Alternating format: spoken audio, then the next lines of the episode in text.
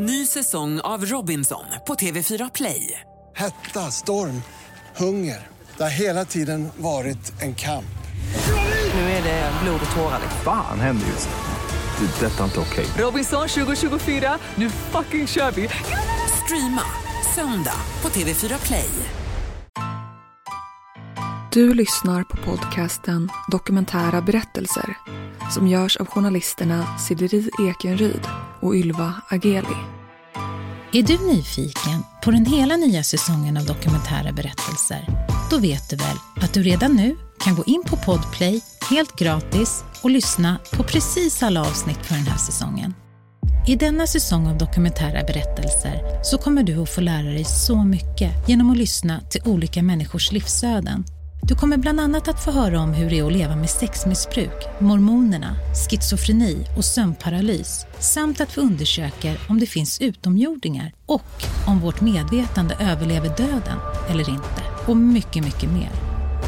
Gå in på Podplay och lyssna på hela säsongen redan idag. Helt gratis.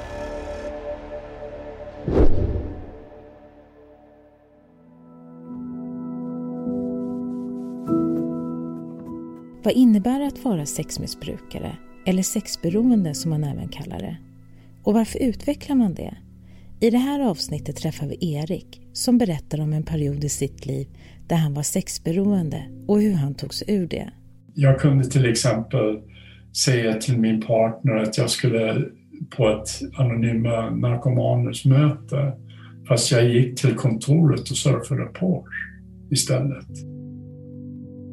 Men jag tycker just det här med effektiv behandling är så viktigt. Vi pratar också med Josefin Savard, specialistläkare i psykiatri och doktorand vid Umeå universitet. Hon arbetar vid Anova, Karolinska institutet, där man just nu bedriver en studie om behandling av sexmissbruk. Eftersom det finns så pass mycket negativa konsekvenser med problematiken.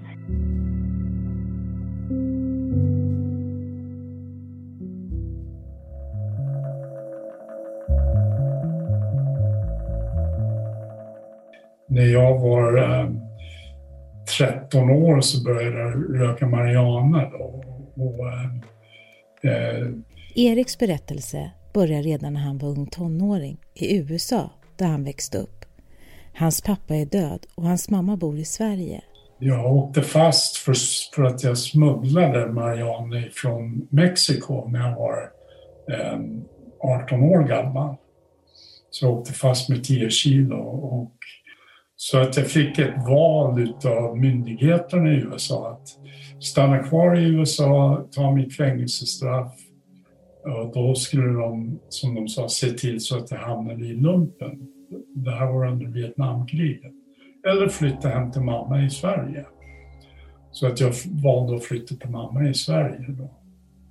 Och sen så fortsatte jag med mitt droganvändande tills Ehm, jag blev över 40 år och, och med allt vad det innebär. Och huvuddrog var amfetamin och kokain och så här. Det är ju sexuella droger. Så, så att det fanns en, en koppling mellan eh, eh liksom dysfunktionell eh, destruktiv sexualitet och droganvändande för min del. I 40-årsåldern går han i behandling för sitt kokain och amfetaminberoende. Det som inte behandlades det var de här sexuella kickarna som man fick av både kokain och amfetamin. Så det fanns ju kvar. Det gick in i, då gick jag in i, i porrberoende istället, utvecklade ett beroende relaterat till porr. Men för att i, i själva diagnosbeskrivningen så har man ju det här är Josefin Savard, specialistläkare vid Anova, Karolinska institutet, där man just nu bedriver en studie om behandling av sexberoende. Vi ber henne förklara vad som definierar ett sexberoende. Mer eh, tryckt på det att man har återkommande mönster med svårigheter att kontrollera intensiva sexuella impulser så att det leder till återkommande eh, sexuella beteenden. Och sen preciserar man det ytterligare som att man har sånt upptagenhet sexuellt, att det blir ett centralt fokus i personens liv. Så att viktiga åtaganden får stå tillbaka. Eh, att man ska försöka kontrollera och ändra beteendet utan att lyckas. Eh, att man fortsätter trots att det har negativa konsekvenser eller inte längre skänker någon njutning. Och sen är det ju ännu mer då att, man, att det ska ha fortgått i minst sex månader, att det ska skapa ett lidande eller en funktionsnedsättning i livet. Och att det inte räcker att det här lidandet är kopplat till en moralisk inställning kring porr. Det finns tio olika varningssignaler. Men för att förenkla det så kan man säga så här att om det jag gör är tvångsmässigt, det vill säga att jag har prövat att sluta och inte klarat av det. Jag har lovat mig själv, lovat min partner, lovat andra människor att upphöra med det här beteendet och inte klarat av det under någon längre tid så är det ett symptom på att man är beroende. Om jag vet om att jag kommer att få negativa konsekvenser eller om jag får negativa konsekvenser när det gäller livets olika områden, socialt, känslomässigt, psykiskt, eh, andligt och så vidare. Och, och ändå ägna mig åt det här beteendet så det är också ett symptom på att man är beroende. Och om man är tankemässigt upptagen av eh, eh, och besatt av specifika sexuella beteenden så är det också en signal. Så de tre grejerna behöver finnas med om man ska liksom, ja, mm. räkna som en tvångsmässighet, att fortsätta fast man får konsekven negativa konsekvenser, tankemässig upptagenhet. Fyra år efter att Erik blev fri från sitt kokain och amfetaminberoende arbetar han själv med missbruksvård hos olika kommuner. Alltså, det, det, jag blev så sjuk i mitt porrberoende så att jag kunde liksom gå ner och ha lektioner och föreläsningar för patienter. Ta en paus och gå upp på kontoret och surfa porr. Och sen fortsätta. Liksom. Så att jag, jag var tvångsmässigt besatt av porr under nästan all vaken tid.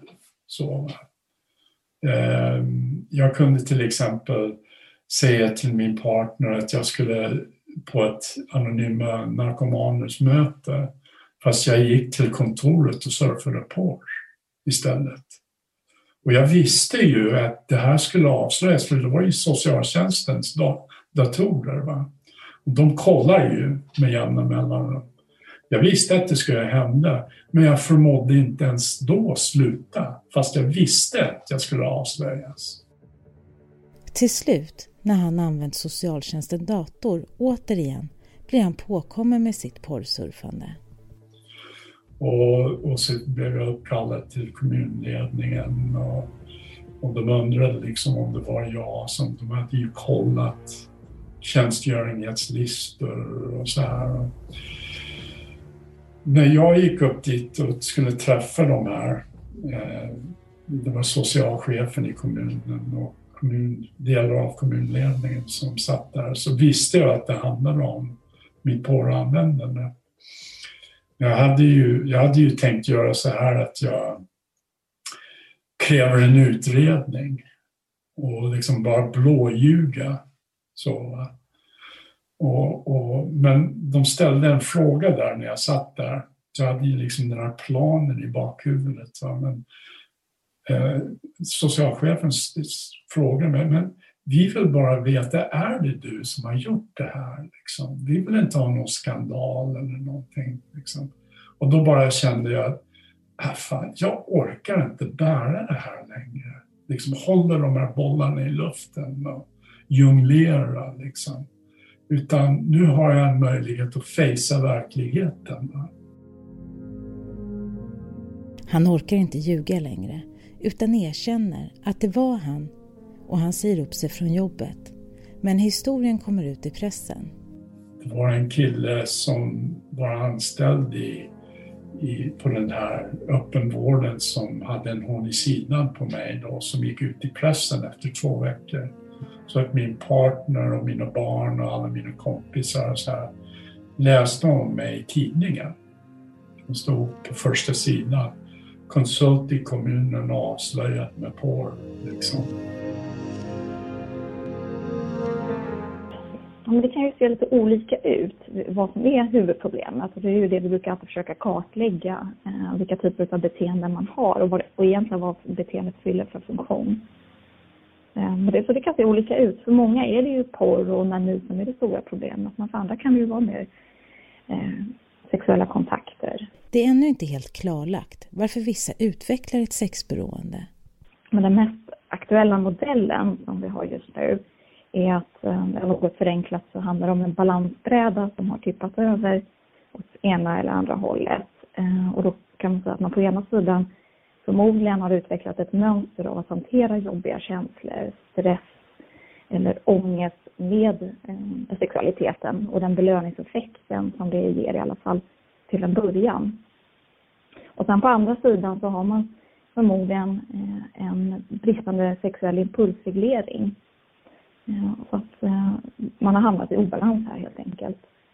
Och varför, man, varför det blir så här från, från första början, då, då tror jag att det finns en genetisk sårbarhet.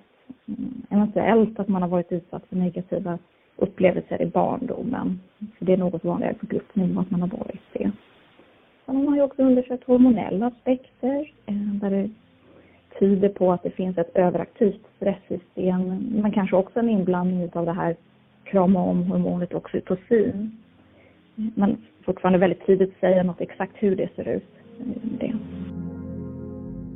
När man pratar om eh, en mänsklig drift som handlar om släktens eh, eh, fortplantning så är den driften väldigt, väldigt stark. Va?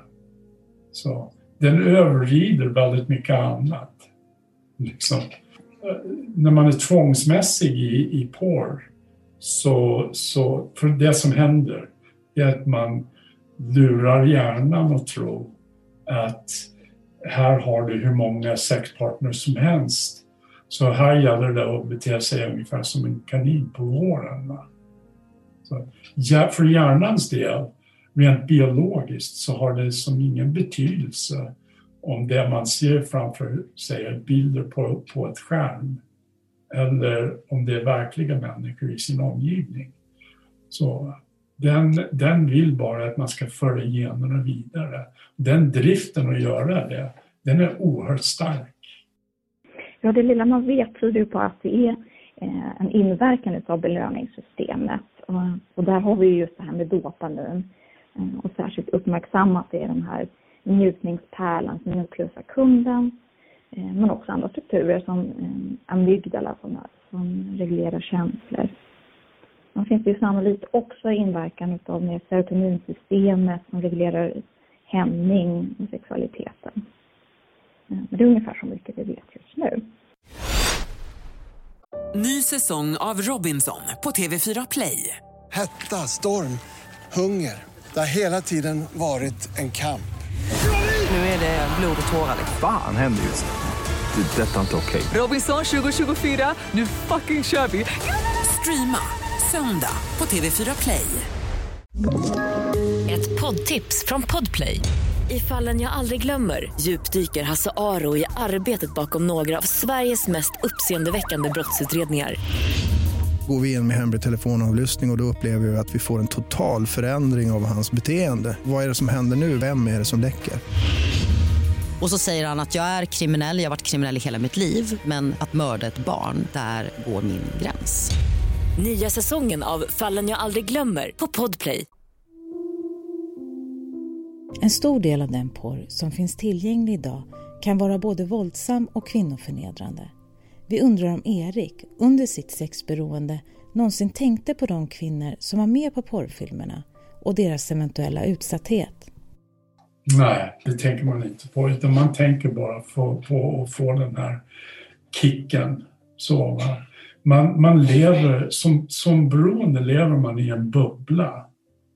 Alltså verkligheten kommer inte in och det är ju också porrberoende är att försätta sig i en trans i ett dissociativt tillstånd. Så, eller i en, i en pornografisk bubbla. Så, verkligheten kommer inte in. Så, utan det, när man väl har fått orgasm och allting har lagt sig, det är då skulden och skammen och eh, vanliga mänskliga värderingarna kommer in i bilden. Och så, vad fan har jag gjort? Så, och ångesten och så här. Eh, jag ska aldrig mer. Så. Men sen så kommer ju suget ändå. Och så byggs det upp mer och mer och mer. Så går man ut igen och kommer in i den där bubblan. När Erik har blivit upptäckt så bestämmer han sig för att söka hjälp. Då inser han hur svårt det är att få behandling för den här problematiken. Jag var uppe på, eh, på psykiatrin och de erbjöd mig, de sa så här, om du börjar ta de här antideppen så kan du få träffa en kurator en gång i veckan, tio gånger. Så, och eftersom jag hade ju vana med tillfrisknande från mitt kemiska beroende som jag hade kämpat med länge och gjort ett antal olika behandlingar på behandlingshem för att komma till rätta med, så förstod ju jag, för jag, jag kunde ju jämföra det som hände i min hjärna när jag eh, liksom surfade på porr och när jag tog eh, kokain eller amfetamin. Det var precis samma kick. Liksom. Så jag förstod att här räcker det inte med ta lite antidepp och, och, och, och träffa en kurator tio gånger. Så frågade jag, men jag vill ju ha behandling för det här. Jag behöver behandling. Så, och eh, det var vad de hade att erbjuda. Så det där samtalet, det slutade med att jag mer eller mindre skällde ut den där stackars psykiatrikern och frågade om han fick procent ifrån läkemedelsbolagen ungefär. För att liksom ge folk piller. Och så stormade jag ut därifrån. Så, vad finns det då för behandlingsformer? Josefin Savard igen. Ja, det finns ju forskningsstöd och behandling eh, med kognitiv, eh, kognitiv beteendeterapi. Och sen som sagt finns det ju lite studier på mediciner så att det finns ju också eh, viss mån att man kan använda sig av det. Den kognitiva beteendeterapin handlar mycket om att identifiera triggers, fokusera på alternativa beteenden, eh, förbättra impulskontroll och så småningom hitta en, en fungerande balans i sin sexualitet. Just nu bedrivs dessutom en studie på Karolinska institutet om just olika behandlingsformer. Ehm, vi, på, på vår mottagning så hade vi också för två år sedan en läkemedelsstudie Mm. och det var ju att 20 män med den här problematiken fick behandling med just en medicin som påverkar belöningssystemet. Eh, något förenklat kan man säga återställer balansen. Och det är medicin som redan används idag för alkoholberoende. Och vi provade den här medicinen under en månads tid och så följde vi upp för att se om eh, det påverkade sexualiteten. Eh, och det gjorde ju det i den utsträckningen att vi har gått vidare med aktuell, en ny studie på vår mottagning som är lite större och där vi helt enkelt lottar försökspersoner mellan två olika läkemedelsbehandlingar. Och det kan man säga är ju mycket det som vi forskar på nu, är ju behandling och, och så. Eriks fru nås av nyheten genom tidningsartikeln som publicerats om honom. Hon ville ju ha skilsmässa, så hon ville att det är slut mellan oss nu efter det här. Så hade hon vetat om de grejerna så var, så var det ju tveksamt att hon skulle liksom vara ihop med mig då. Men hon fick ingen möjlighet att bestämma. Och det är ju, det är ju, ehm, det är ju också en definition som vi använder idag när det gäller otrohet. Just det här med att otrohet är att svika den tillit och förtroende som finns i en förmodad, förmodad monogam relation. Så den definitionen, den, det, det, det, innebär att det är upp till varje par att bestämma eh, liksom vad som är otrohet och vad som inte är det. Så. Och, men hon fick vara med om saker som hon inte hade möjlighet att bestämma eftersom det var hemligt, det ett hemligt liv som pågick. Men det var en kompis till mig som ringde och sa nu gör du som jag säger. du sätter dig på tåget, jag har redan köpt en biljett till dig. Så den finns på stationen. Du hämtar ut biljetten, du packar dina grejer och så kommer du ner till mig i Stockholm. Så får jag vara uppe i Norrland. Och sen bor du här ett tag. Och inget snack, utan du gör bara det här nu. Och så gjorde jag det. Så att eh, min partner Eva då, hon fick ju vara i fred. Så.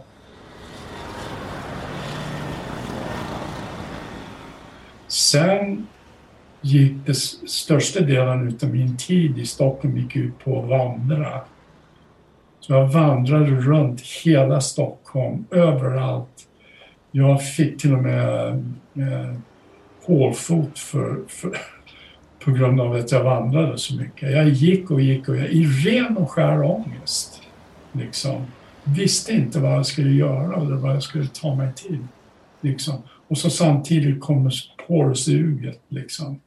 Så snacka om motkrafter eller eh, starka eh, krafter som, som, som liksom var helt motsatt. Ångest och, och, och, och liksom behov av att få en kick. Så här. Rädsla, ångest, rädsla, ångest. Jag måste, jag måste ha min drog. Liksom. Eftersom han förstår att det inte finns någon bra behandling för honom bestämmer han sig för att skapa sin egen självhjälpsgrupp. Och, eh, det jag gjorde var att jag tog, började jobba med stegen i tolvstegsprogrammet och jag började också, jag tog en, en amerikansk arbetsbok för tillfriskning från crack cocaine och liksom översatte, varenda gång så crack så satte jag porr istället. Och började jobba med de verktyg som fanns i den där, i den där boken. Och det, det började funka. Och så berättade jag om det på möten och sa jag använder det här verktyget, det funkar rätt bra. Liksom. Och så var det andra som ville ha dem och så här. Va? Och så efter ett tag så, så um, märkte andra människor också att de verktygen som man använde i det där rudimentära programmet, det, det funkar i deras liv. Liksom. Och efter två år av liksom, eget arbete och undersökande och, och liksom kolla vad det är som funkar och inte funkar så bestämde jag mig för att jag skulle liksom erbjuda det här till andra människor. Så. Vilket jag gjorde då, så startade jag upp en klinik för, för tillfrisknande från sexberoende. Det var för Sveriges första klinik. Eh, det som hände då var att efter några år så kom det så många människor att jag kände att den information och kunskap som jag har räcker inte för att behandla alla de här människorna. Det var när vi flyttade kliniken ifrån den stad som allt det här hände i till Stockholm och började liksom verksamhet i Stockholm då var det precis som att, att skaka på en Coca-Cola-flaska och öppna korken. Det bara väldigt människor.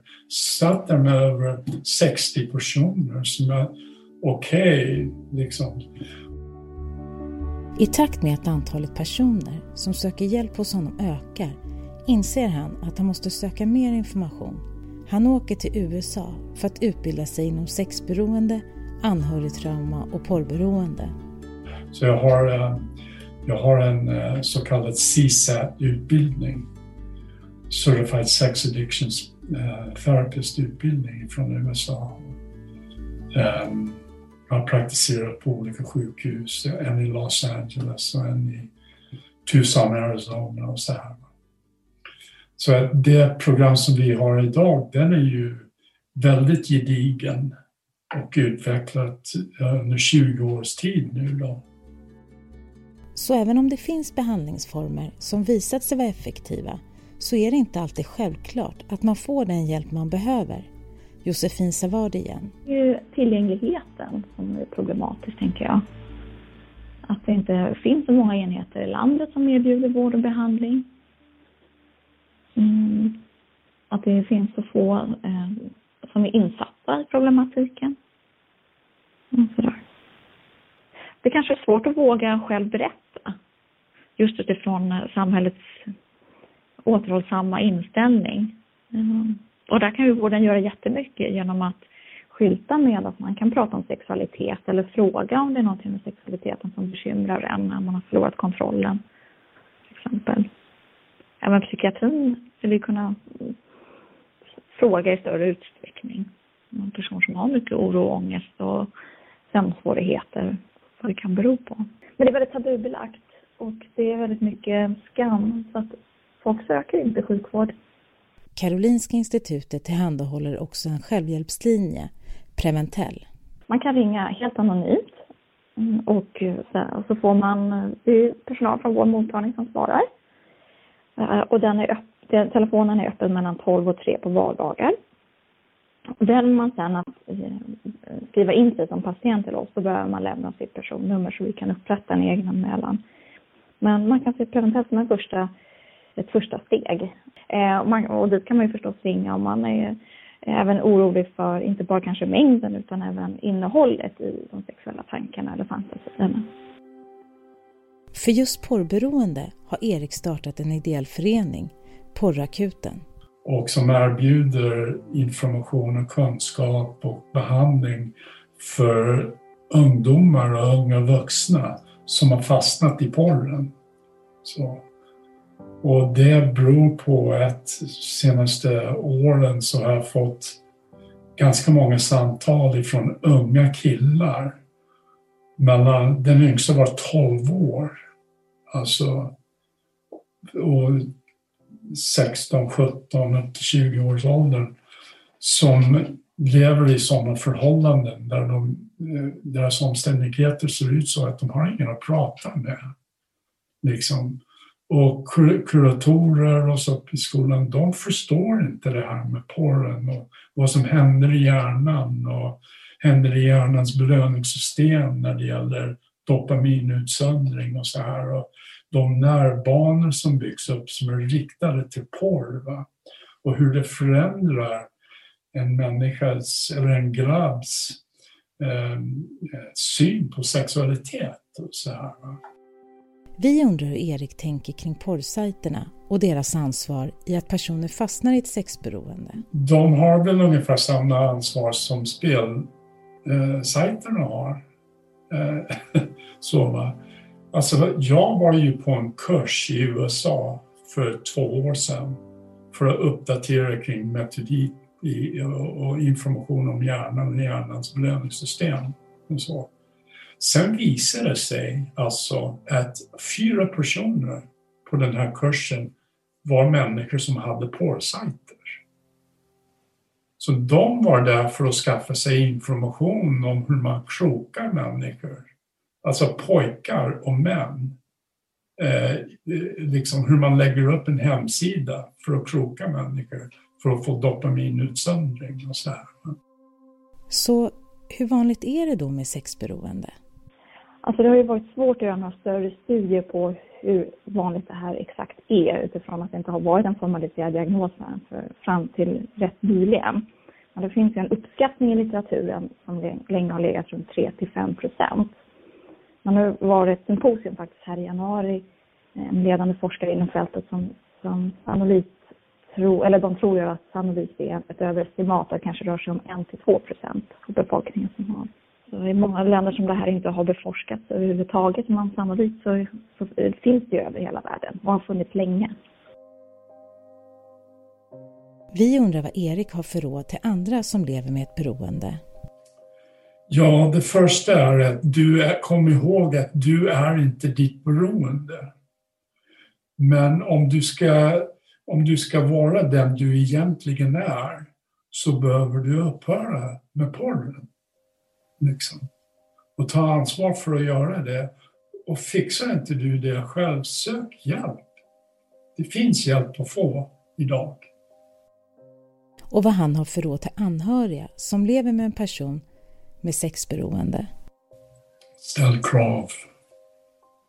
Och kom ihåg att, eh, att du har rätt att eh, ställa, sätta gränser i din relation. Att du behöver inte gå med på saker sexuellt eh, som går emot din egen värderingssystem eller som, som kan skada dig och, och när det gäller dig som människa.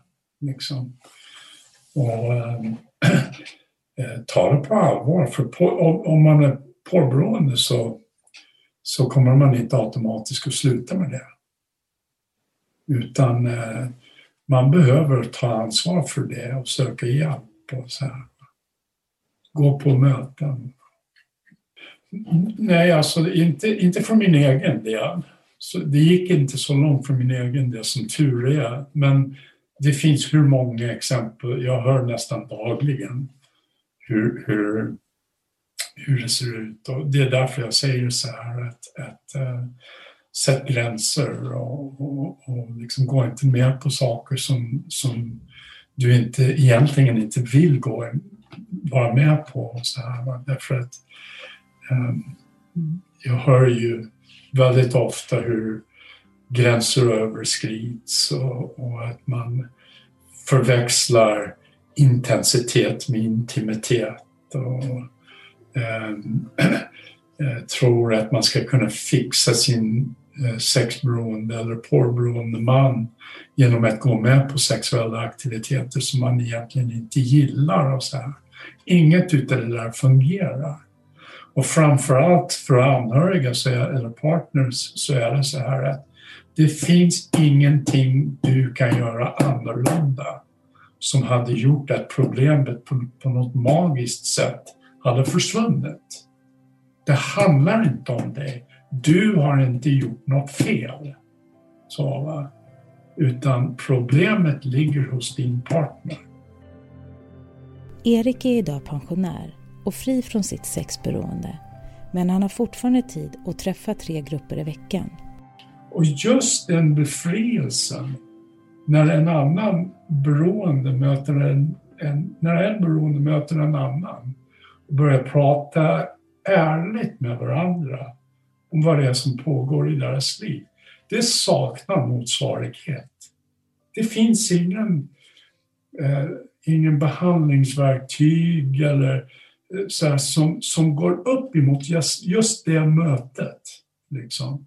När det helt plötsligt ur tomma intet uppstår ett alternativ så, som handlar om att, att en beroende hjälper en annan beroende.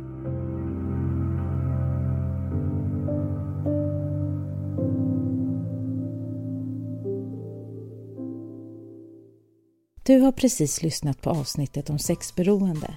Vill du dela med dig av din livshistoria? Mejla oss då på kunskapsstudion gmail.com. Detta var säsongens sista avsnitt och vi vill verkligen tacka alla er som lyssnar på oss. Och glöm inte att du kan lyssna på alla våra avsnitt och säsonger helt gratis på Podplay. Ny säsong av Robinson på TV4 Play. Hetta, storm, hunger. Det har hela tiden varit en kamp. Nu är det blod och tårar. Fan händer just det. det detta är inte okej. Okay. Robinson 2024, nu fucking kör vi. Streama söndag på TV4 Play.